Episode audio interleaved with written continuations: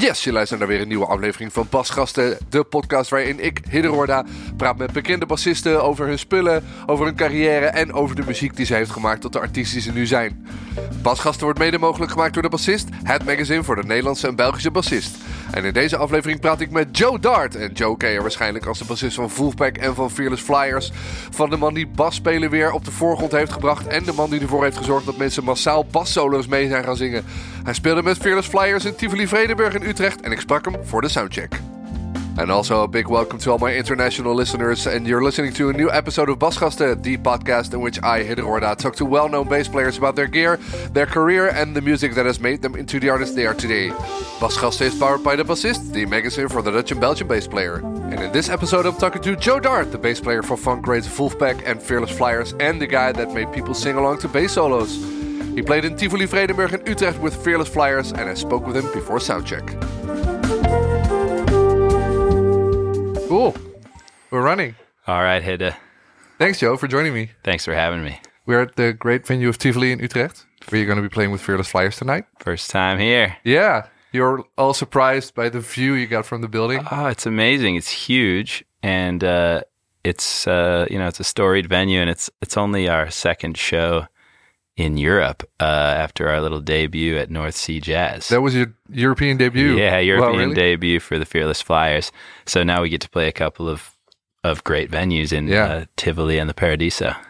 Awesome. So how was how was that the first time on stage with those guys in Europe? Yeah, it was amazing because uh, you know we really haven't played that many shows as a band.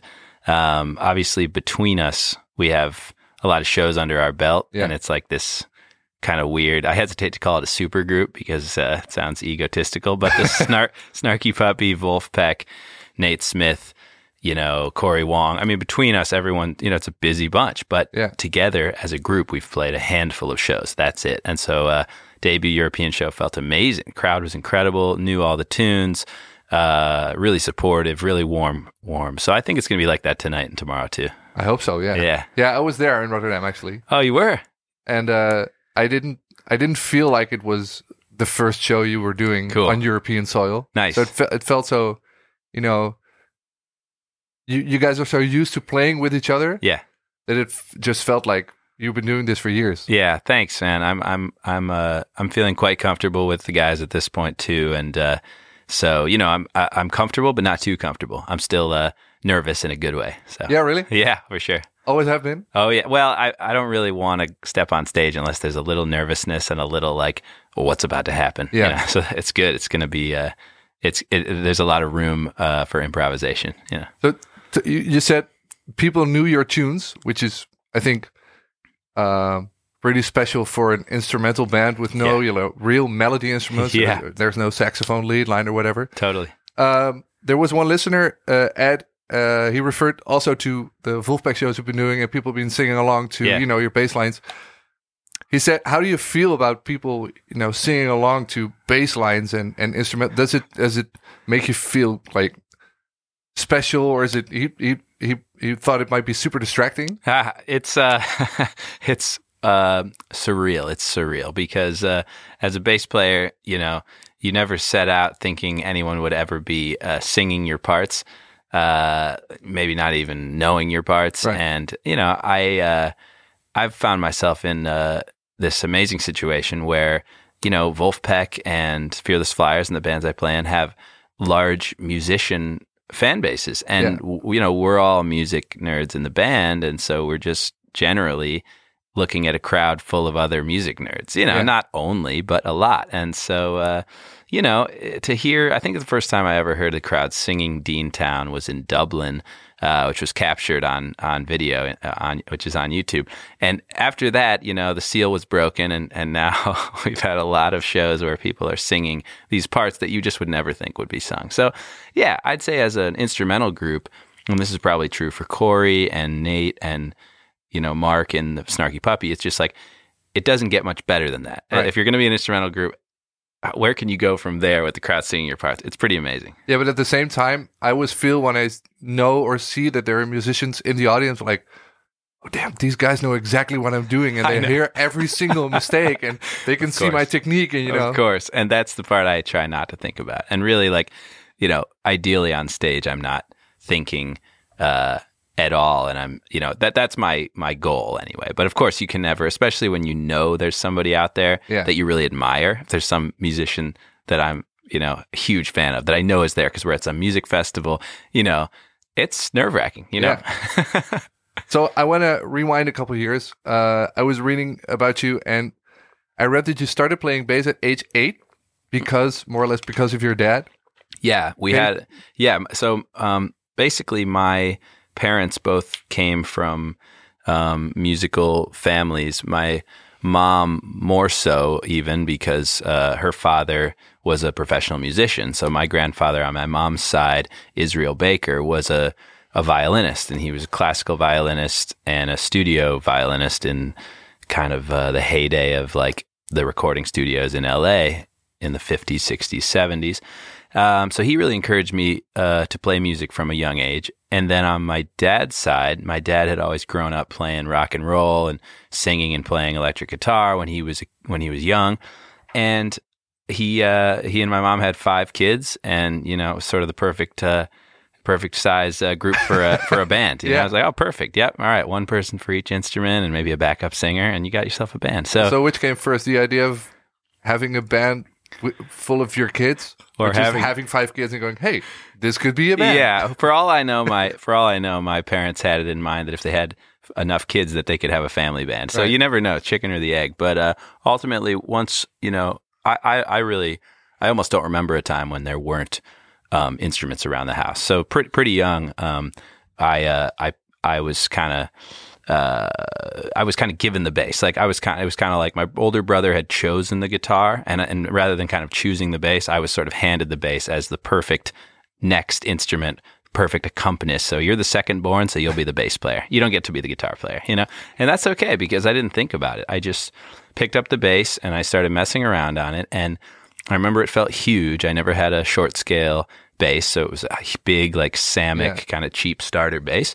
Um, and I had a good teacher who was like, listen, here's what the bass does. Here's your role in the band. And here's some bands that had great bass players. And so it was always, you know, f- uh, funk and soul music, uh, you know, Motown, and then whatever I wanted to learn at the time, which was like more like early 2000s. I mean, Re- Red Hot Chili Peppers, course. but then like some like stuff that my older brother was listening to, like pop punk stuff that, you know, a lot of those were like trios anyway, so the bass player had to hang. But yeah, I had a good teacher who taught me the role of the bass. And then once he's, and he's like, oh, and you better learn how to slap too, you know? And so I'm like nine or 10 years old and I'm learning how to slap because it's like, that's an essential skill for a bass player. So yeah, electric bass from day one, uh, four string from day one, full scale. And then from there, it's kind of just been getting deeper and deeper, but on the same path. I never picked up the upright. I never really got into five or six strings. I never really got into fretless. It's kind of been like in this lane of, you know, 70s funk uh, bass players that I, I've, I've, you know, through the years kind of found my own voice within that realm. Yeah, and so the first bass you started on was a Samick. I read that Yeah. it had like a mile high action on it. Yeah. Oh my God. It was terrible. Is that also uh, uh, part of the reasons why you like dig into your strings so much? Yeah, I think so. When I look back on it, it was like a resistance training regimen, you know, and it was just so hard to play this instrument and to make it sound good and for the frets not to buzz and everything. But, you know, now I look back on it and, you know, the bass felt huge in my hands and the strings were really hard to play and you had to really push down with your left hand to get it to fret and you had to really fret at the top of the fret to make it not buzz. But all these things instilled in me like these this kind of finger strength and technique maybe that maybe I wouldn't have developed with an instrument that was easier to make it sound good. Right. You know, so from from the Samick, then I got a jazz bass, uh, Mexican Fender jazz bass that I still have. Is that the yeah the, the, the, white, one? Yeah. Yep, the white one, and I got that, and that was my second bass that I got in my early teens. But I can imagine that the Fender was a lot easier to play, and you know, at lower Yeah, action and for sure. better. I can also imagine you're like, this is way too easy or something. Let's raise the action and Yeah. make sure that I can play the way I'm used to play. Completely. And I did keep the action pretty high and thick gauge strings. And, you know, with a bass like that, you can still play Yeah. pretty hard. I mean, you'll see like Flea playing a jazz bass sometimes. You can really, you know. Yeah, yeah. And so I had like the round wound steel strings on it that were, you know, hopefully old, which eventually aged and sounded better. Now now I couldn't now I now I wouldn't be able to stand really the sound of like brand new Rotosound uh, round wound strings. I used to play those and you know sound like Marcus Miller when you're Yeah, yeah. slapping. It's really bright. But uh, anyway, yeah, it did feel much easier, but I still uh, I still dig in a lot on uh, on bass and like it's nice to play basses that you can you know passive basses that you can really dig in Yeah. on, you know. Yeah, I can also imagine on, on your signature Music Man basses, you can also like Yeah.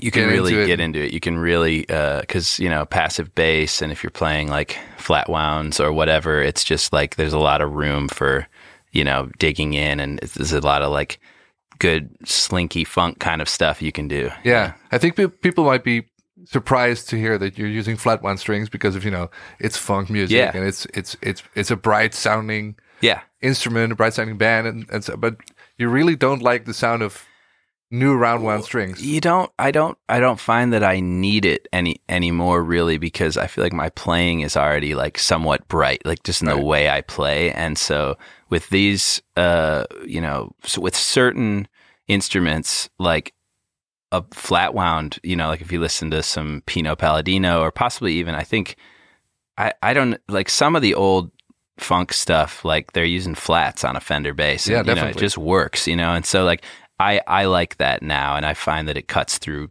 perfectly fine. And since I'm not doing a lot of like slap stuff and I'm doing more finger style, it's got a warm, a round kind of thing. Yeah. And so, yeah, that's what I'm rocking now. And, and, uh, you know, we'll see what we'll see what the evolution down the road is. But uh, yeah, for now, that's the that's the combo. I think the, I, I asked on my social media if uh, if uh, listeners of the podcast have questions for you, and there were more than a couple about that one knob on your first signature bass. Yeah, And I kind of compiled them into the question Ronald asked: Is a bass with only one knob better for your peace of mind? like I not like getting that. confused by like, well, Yes. it's a Fender, it has three knobs. for and, you know. sure, man. Yeah, in fact, uh, you know, less less is more is a good life philosophy, and indeed, my live setup is very simple. I mean, bass with one knob, uh, one tuner pedal. You know, that's my pedal board. Uh, into a Markbass, and I like their heads that are as simple as possible. Yeah, you know and like yeah i i i do like i do like the simplicity of it i do like uh you know plug and play that that's it's it's it's great it is great I, have never been a huge kind of tinkerer with you know all the different eqs and all, you know i've played some basses like that but it's never really been my thing so yeah I, I i like the i like the less is more and i like it just philosophically so if this space kind of looks like that philosophy like i'm down to to pedal that just you know a piece of wood with four strings. yeah, yeah, I'm down to be a poster boy for that. Is. Is, that also uh, uh, a thought between uh, uh, uh, a thought about the, the the stage setup of Fearless Flyers, like having your guitars in Yeah. the stands? I was watching you guys run. I was like, if, if I were in this band, I, I would want to, you know, walk on stage and you know make some contact with the drummer. And Yeah, yeah, where did that that idea of leaving your instruments in the stand come from? yeah. I mean, Stratton, uh, Jack Stratton, leader of Vulfpeck, he he had this idea years ago, and he proposed it to me, and and he even knew kind of who would be in it. This was like years ago, and I I was just like.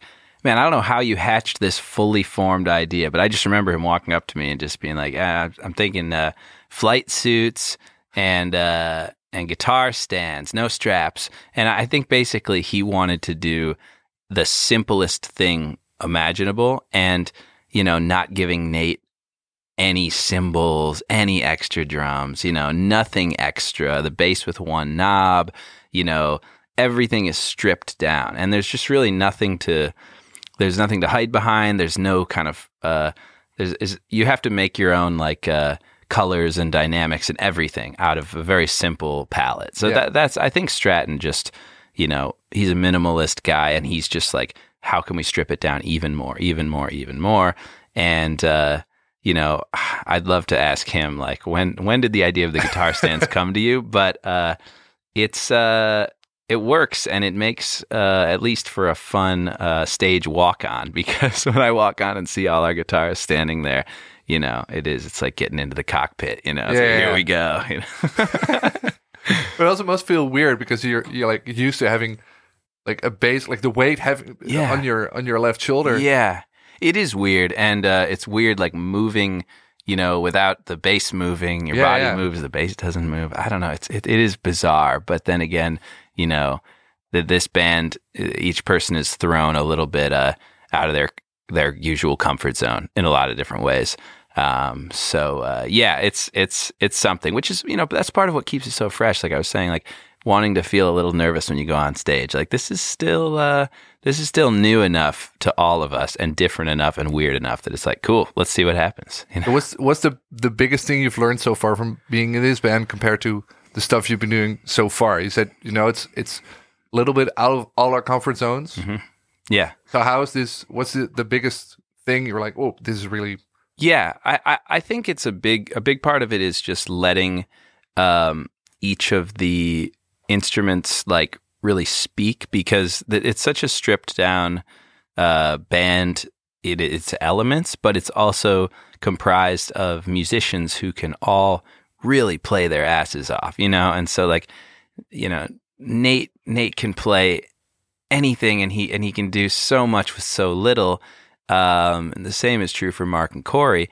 But then when you're in a group like this, it's like, well, let each let each uh, person in the band kind of speak uh, on their instrument. So it's a lot of it is just about learning to find your moment, you know. And in this band, it's like, okay, cool. Here's a here's a Mark moment. Here's a Corey moment. You know, here's a Nate moment. Here's a bass moment. And then besides that, just like play the part, serve the song, and not think you have to always be doing something. It's like it's enough for the groove just to feel good. You know. So how does this work? Like uh, uh, writing wise, do you, do you have to find your moment? Does that like occur naturally, or is it inherent in in the arrangements you do? Yeah, I think when we were in the studio, we basically would look at the song and we would say, okay, what's the kind of focal point here, you know?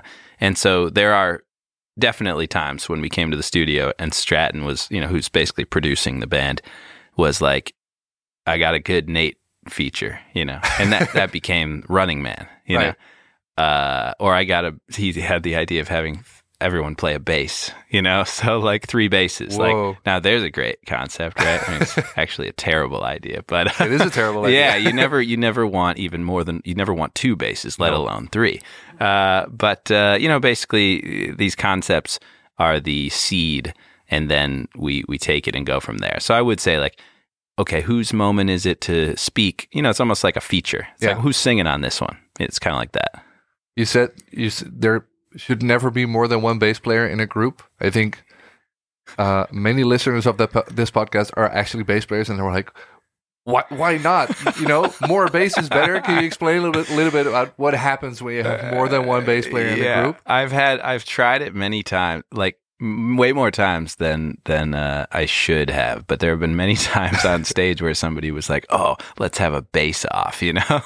and no, it's just tough because it's so muddy so quickly, and Yeah. you have to somebody has to really like really lightly play really high on their bass to try to stay out of the way like and then oh cool then you just try to play guitar on the bass or Yeah. something or you'll try to trade like solos and then it's just quickly like oh well really we're getting away from the essential ethos of the bass player Yeah. here so then you're not really playing bass either you know it's you're not a lead guitarist you know so and then one time uh i did uh electric bass and upright bass with uh, Bridget, the bass player from Lake Street Dive. And uh, that was just hilarious because then you're talking about an acoustic instrument trying to compete with an electric instrument. I just can't think of a situation where it works. I mean, well, there are those super groups, and I, I much, you know, uh, with all due respect, you know, uh, to the what it was, it Marcus Miller, Victor Wooten, and Stanley, Stanley Clarke, Clarke, yeah. right? And then uh, there's o- there's others, but uh, those guys are freaks. I'll I'll hand it to you know those guys might know how to do it. I personally mostly Right. can't. So anyway, it was a terrible idea. Strat- I don't know. Stratton had something he sent out in the email. It's like it, it was a bad idea, and then it and then it got dot dot dot worse or something like that. so yeah, but there it is for all to see. um, very glad you didn't follow up on that idea. yeah, you know, it's uh but the the guys in the band, you know, talk about staying out of the way. Like it is cool to see how each person fits in, you Yeah. know, when there is only one bass.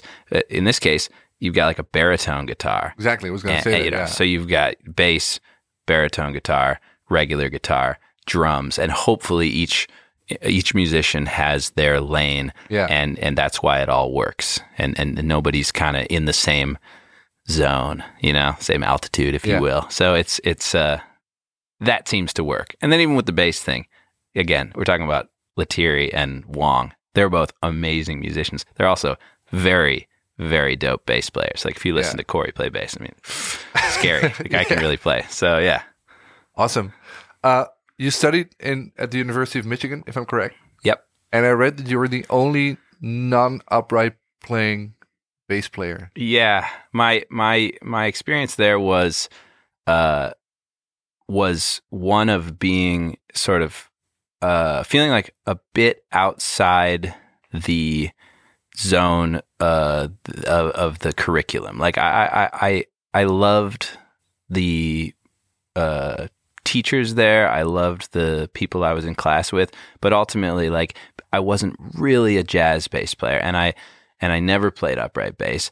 Um, you know, it was there was a, a place for me because I I auditioned on electric bass, and you know, and I, I I knew I knew that I would be studying and playing that instrument. But ultimately, you know, I was still gravitating towards you know funk and rock, and I was kind of in jazz school, and it was a small school, and the best thing about it was the people I met there and the bonds I formed musically. And, you know, I met Jack Stratton probably my first week in Ann Arbor, where University of Michigan is, you know, and then I met Theo probably my second week.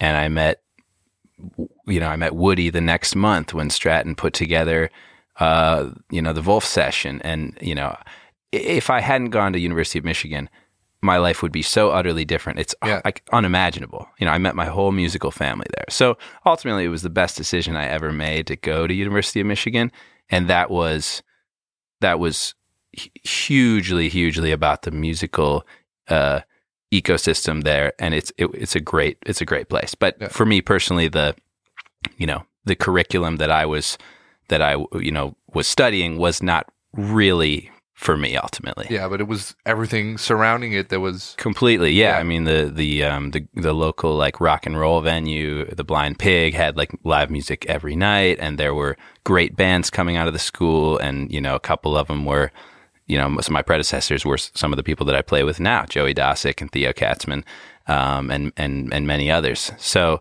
it was about the scene really, and the scene was amazing. You know, Was that also the reason that you applied for Michigan? Because I can also imagine, like, okay, I basically would have to play upright and have to play jazz, and that's not really my Mhm. my kind of thing. Yeah, it was it was about the the musicians that were um, coming out of Uni- University of Michigan and seeing, you know, I saw Theo Katzman with his college band, My Dear Disco, and that was Theo, and that was Joey Dosik, and that was Tyler Duncan, who I would go on to play with in the Olam, and they were playing the Blind Pig, and it was like amazing to see. And here's these kids, you know, 18, 19, 20, 21, 22. They're they're they were really really good and you know really uh, creative and and and uh, I was like, well, if that's what's going on here, like that that's where I want to be. And uh, and so th- those places are really important. Like the more I think about it, like the question of like, oh, should I go to music school? You know, people sometimes ask me like, should I go to music school? And I would say like, I I can only say that if if you have the opportunity to go somewhere that has a vibrant music community, then it's worth it, you know. And whether that's going to music school or just moving to a a, a city uh, where you can find a scene and and find people to play with, Uh-huh. uh, especially as a bass player, that's what's most important. So for me, that was Ann Arbor, and it was you know lucky timing because I if I'd gone a few years earlier, a few years later, you know, I'm sure I would have found great people to play with too. But it, this particular scene, it's like wow, Matched. lucky timing and, Yeah, and, and worked well. Yeah. Can you tell a little bit about your practice routine? Are, do you, are you a guy that like practiced or practices Hmm. for eight hours a day and scales and groove and you know, or I used to play for hours every day when I like when I was when I was in my teenage years. I mean, I was playing like every day, either alone for you know two or three hours, or I was jamming with my high school band for longer than that. You know, three four hours. You know, now it's like I get I try to keep playing at the intensity that I can best. Uh, I try to best match the intensity of playing live, and I never quite do it, but I, I can sort of I can sort of get close, you know. Right. So when I'm at home and I don't have a gig for a couple weeks or something, it's about playing um, the either the music that I'm going to play on my next gig or whatever music I'm excited about that I'm listening to, and it's about playing that um, for you know a decent a decent amount of time. It's not for me these days so much you know playing scales or playing like rudiments or like just pedaling on my E string Yeah. forever and then the A, and which I used to do, and I really Really? I, I Like when for I was hours on end yeah, well, just not not for hours, but when I was like when I was coming up on bass, I mean, it would be sitting there with a metronome or a drum machine and just going do do do do do do do do do do do do do do because my teacher was like, you you have to really develop good stamina and you have to develop really good time, and if you don't have those things, it's like you're not going to be able to play a gig. So I worked on that then. Now it's more about staying, you know, staying in shape with my fingers, staying like inspired musically, um, and just you know making sure I I know you know the music for the next tour. And so that luckily if I have enough gigs on the calendar, it's like cool, I got to learn this and then I got to learn that. So keeping I guess that's keeping like my mind uh relatively in shape too, Right. you know. So uh yeah, these days but but it's mostly about playing shows and sessions and that's where I really like you know, after a week or two on tour, I'm like, oh yeah, I feel really in shape. And then a week or two off and I'm kind of rusty, you know, so Awesome. You said uh, you have to keep yourself inspired by you know new music. You you, you told me about uh, when you were starting, you were inspired by the the, the like the famous guys from the 1670s. I can Yeah. imagine like um, uh, the James Jamersons, Yeah. and Little Weeks, you know. Bootsy Collins and all them. Yep. Yeah. So who are the guys that keep you inspired now? Are there like Yeah. musicians that you were like, whoa, this is a new guy, or Yeah. just de- rediscovered something? Yeah, definitely. I mean, in the past few years, like watching uh, and listening to Thundercat has been pretty mind blowing to me. I um, think to everyone. yeah, I mean, uh, you know, the bass players that are, you know, kind of playing now s- that I see around at festivals and uh, and and listen to on records. Um, Sharay Reed, I really like. I mean, MonoNeon is unreal. Um, and uh, yeah, I mean, there's a lot of like younger uh, bass players that I see out on the scene now that like I can tell are influenced by a lot of the same people as I am, and uh, you know, so yeah, it's I mean new and and also just like bands that uh, or or musicians that just have like great uh, studio musicians on their records, and I don't even know who they are a lot of the time, Right. but like listening, who was I? Oh yeah, I was digging like. Uh, uh, Bruno Mars' bass player, Oh, yeah. Jamareo. You know, he's amazing. Um, and uh, I mean, I still love Pino Palladino so much, and he's still on a lot of records. Yeah. Um, and uh, yeah, th- those are some names that come to mind. But there, there's a there's a lot still where I'm like listening to a record and I'm like, oh wow, you know, that's really really tasteful playing. And then I look up who it is, and it's maybe it's a producer, or maybe it's like the maybe it's the musician themselves. Like you know, when I listen to like I like the uh, Tame Impala records. You Mhm. know, really Currents is like one of my favorite records, and Yeah. like I think that's all just Kevin Parker on Yep. bass. And But I saw them live last week. They're Yeah. playing Amsterdam, oh cool, and the live bass player he has is this enormous dude. I think he's like yeah, six feet two, yeah, and he played exactly the same. Wow. Like the great timing, sound, Nice. everything is awesome love it. on this little Mustang. And, uh, that Uh, was a Hofner bass. Like yeah. Oh, perfect, perfect. So yeah, you know, I love songs that just, I mean, those are just great bass lines. It's Yeah. almost like listening to the Beatles or something. It's like ah, mel- melodic, beautiful Yeah. bass lines. So Yeah, I, you you you mentioned Pino Palladino, and I think apart from Flea and Paul McCartney, his name is probably the most mentioned name in my podcast. Yeah. because of course he's Pino Palladino. yeah, But it's always a difference between which Pino Palladino people like, like Yeah. the fretless 1980s Paul Young, Sure. Elton John kind of pa- Pino Palladino, or the D'Angelo, yes, John Mayer. Pino. yes, totally, totally. It's uh, and actually, I didn't get hip to the early uh, Pino until much later. Like you know, and I didn't even realize he was such a fretless god back in the day. And now I hear him on stuff uh, like that Don Henley, like Boys of Summer, and like, oh man, it's crazy. Or like with uh, Pete Townsend, he plays like it's like really wild bass playing. It's almost like f- more fusiony, like lead lines, and it's just gorgeous stuff. But like, I got hip to him through, I guess, probably Continuum, John Mayer. Yeah. Like Which- most people. I yeah, think. I think so. Which itself is sort of a derivation of the D'Angelo stuff, you Yeah. know. So yeah, and then I was, and then I got way into voodoo, and you know, and then I, I, uh, you know, I loved his stuff with John Mayer Trio, and then I've discovered just so much of his session work. It's like, oh, he's on this Adele record, you Yeah. know, he's on. I mean, there's a bunch of new stuff. I don't know. I was he was he's on like the Harry Styles record from last year. Really? Like, yeah, yeah. He's on. I- I'm telling you, like, gonna look this up now. yeah, yeah. There's a track on that record that's funky, and I was like, oh, this is some this is some dope bass playing. And sure enough, there's Pino. You know, so Wow.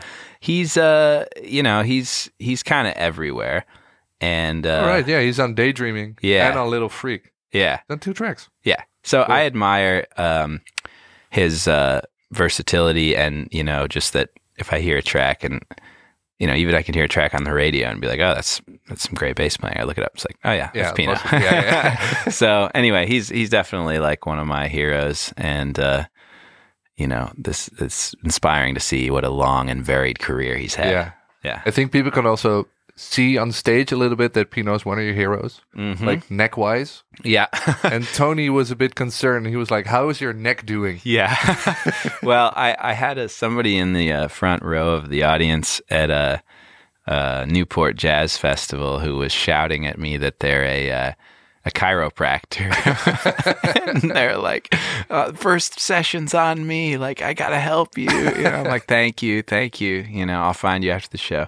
But uh, no, I actually have been, uh, luckily, knock on wood, I've been fine. You know, I think it's just basically from uh, repeatedly like I've built up these muscles in my neck, my neck, and probably one shoulder. You know, but you know you've got to keep time somehow, and uh, I've never understood how people can sort of stand there still and play bass, like or really play any instrument. You know, Yeah. but for me, I mean, the bass. You know, uh, Theo Theo from Vulfpeck famously said that uh, to play the bass is to play the drums on guitar, and you know it's really a a, a percussive instrument as much as anything, a rhythmic instrument as much Yeah. as anything, and so. As a drummer, you can use your whole body to play the drums, but as a bass player, you're just using your hands. Yeah. So you, to me, I have to get like my whole body involved, and I always thought if I hadn't played bass, like it would have been fun to be a drummer. I think that'd be really fun. you Yeah. know, but so- then there was another brother. Exactly. became a drummer. That's right. There was. My little brother Sam plays the drums. It's pretty good, you know. So that was not my role. I didn't get to choose. So Wow. You, you, could, uh, you, you said that the bass was the most logical thing to start with after you know your big brother's a guitar player. yeah, I would think get a drummer. yeah. Well, First, you you you know. think so, but like you can play bass and guitar uh, together Yeah, as true. two kids. Maybe better than drum. Maybe better than guitar and drums. I don't know. Maybe it's a toss up. But in that case, uh, I. Uh, I think it they had already been chosen, even though like my little siblings were so young. It was like, all right, you There's a list like okay. Yeah, exactly. It's like an input list. It's like, all right, and on drums, okay. But uh, yeah, I, I do think like it's a physical instrument, the bass, and like you you gotta you gotta keep time somehow. And so luckily, you know, but I could work on the ergonomics a little bit. I'm sure as I get older, I'll start. To, Oh, yeah. you know? so yeah, But don't worry, Tony. Joe's neck is okay my neck for now. My neck is okay for now, and also remember that uh, I'm playing my bass on a stand tonight, so there's no weight on my shoulder. You know, that's got to be better, right? It's only for like an hour and a half. yeah, it is. Yeah. It'll be fine. yeah. And I got a, a a message from your mom on Instagram. Mm. Abby, Vulf Mom. Yeah, Amazing. she says, "When will she see you again in New York City?" That's great. I love that question. And uh, Mom, this is the best way to get through to me is uh, message a podcast that I'm going to appear on. Thank you. Um, she is uh, my de facto manager, so she should know my schedule. But uh, I'm going to be back in New York in a few weeks' time. And actually, this uh, European uh, kind of uh, summer of mine has had me uh, over here mo a lot, maybe more than ever. You Yeah. know, and and I'm really really happy about it. You know, I I, I don't uh, I don't take the traveling for uh, to play music thing for granted. Uh, you know, especially having been grounded for a couple years uh, course, with yeah. COVID, and basically like the uh, the amount of travel that we're doing now is like making up for lost time. So yeah, it's Europe a lot, and then it's back and forth to the states a few times in like really quick turnarounds. I never like flying the day of a gig, like you know, flying across the ocean the day of a gig. It's like, there's a lot of things that go wrong here. So uh, no, thank you, uh, thank you, Vulf Mom, thank you, Abby, for the question. I'll see you in a few weeks. I miss you. I hope she hears this. Yeah, I'm sure she will. Oh yeah, probably. Definitely. Um, I, w- I wanted to ask something about flying with the instruments because I have a lot of musicians that are like, oh, I have to fly with a bass and I don't know how. Uh, ha- has anything ever gone wrong with your your your stuff flying to Europe or through the states? man. Luckily, uh, again, knock on wood. I was just thinking about this because, um, you know, I, uh, I, I actually check my my bass.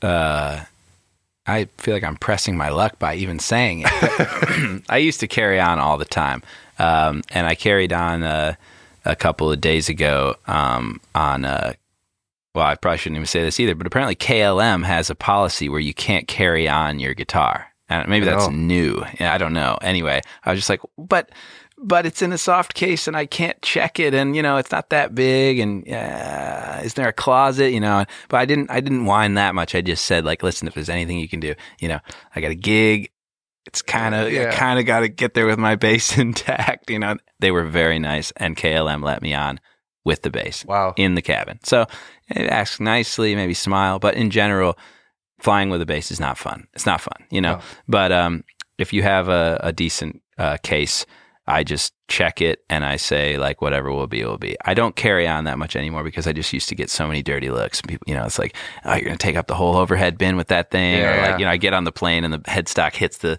the top of the plane when I'm getting on, and then it's like you're not hiding. hearing this. Yeah, right. I mean, you're just not going to hide anywhere. So, uh, no, these days I check it, and luckily for me, I've been very lucky. But I also sometimes travel with a backup uh, bass in case. Then Yeah, again, the cheaper both- airlines make you buy an extra seat. I know. I've I haven't done that in a long time. Oh man. But I'm trying to get like you know enough frequent flyer miles that they like give me some kind of upgrade, and then maybe like get to like is there I don't know there should be some kind of like elite musician status where That would be cool. Yeah, special musicians plays on, the, on the plane. there should be. That would be really nice. And I actually had one time where the pilot was a bass player, and he let me he, let me put my bass in the cockpit. Really? Yeah. He's like Whoa. he's like you don't mind if I uh, shed a little bit up here, do you? you know, it's- Yeah, you got it back though. oh, I did. Yeah. Yeah. yeah, But the pilot was like bragging about his like bass collection to me, and I was just like, this is the coolest moment, you know. and I also got a, a, a, an Instagram message from a pilot.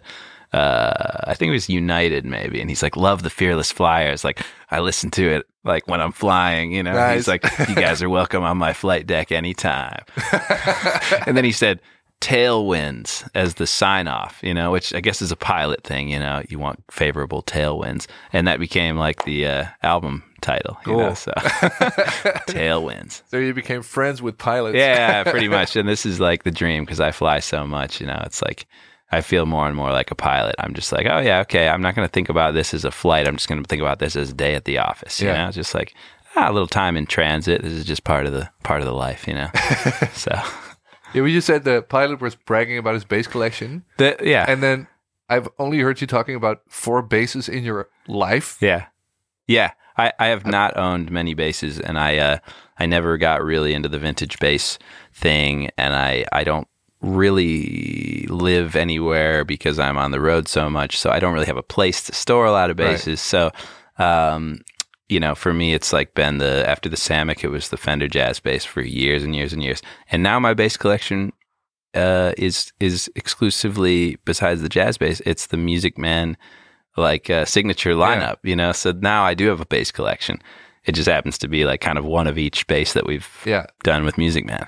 must have been awesome seeing like getting a bass out of a bag with your name on it. yeah, it was probably surreal. one of the coolest moments of my life. You know, it's like, well, yeah, talk about bucket list. Yeah. you know, and when they first sent sent me that thing, I was like, this is unreal. You know, this is unreal, and and they've been amazing to work with. I mean, they're just down for any idea. You know, Cool. Stratton and I come in, and they're just we just have this weirdest idea for an instrument. And they're just like, yep, all right, sounds good. Let's Stratton do was it. there, so it had to be simple. Yeah, of course. Stratton was there, so it's stripped down. It's like can we make a bass with one pickup and one knob cut from a tree? You know, like they're like, yeah, I think sure. we can do that. Yeah. Do you know what happened to the Samick bass?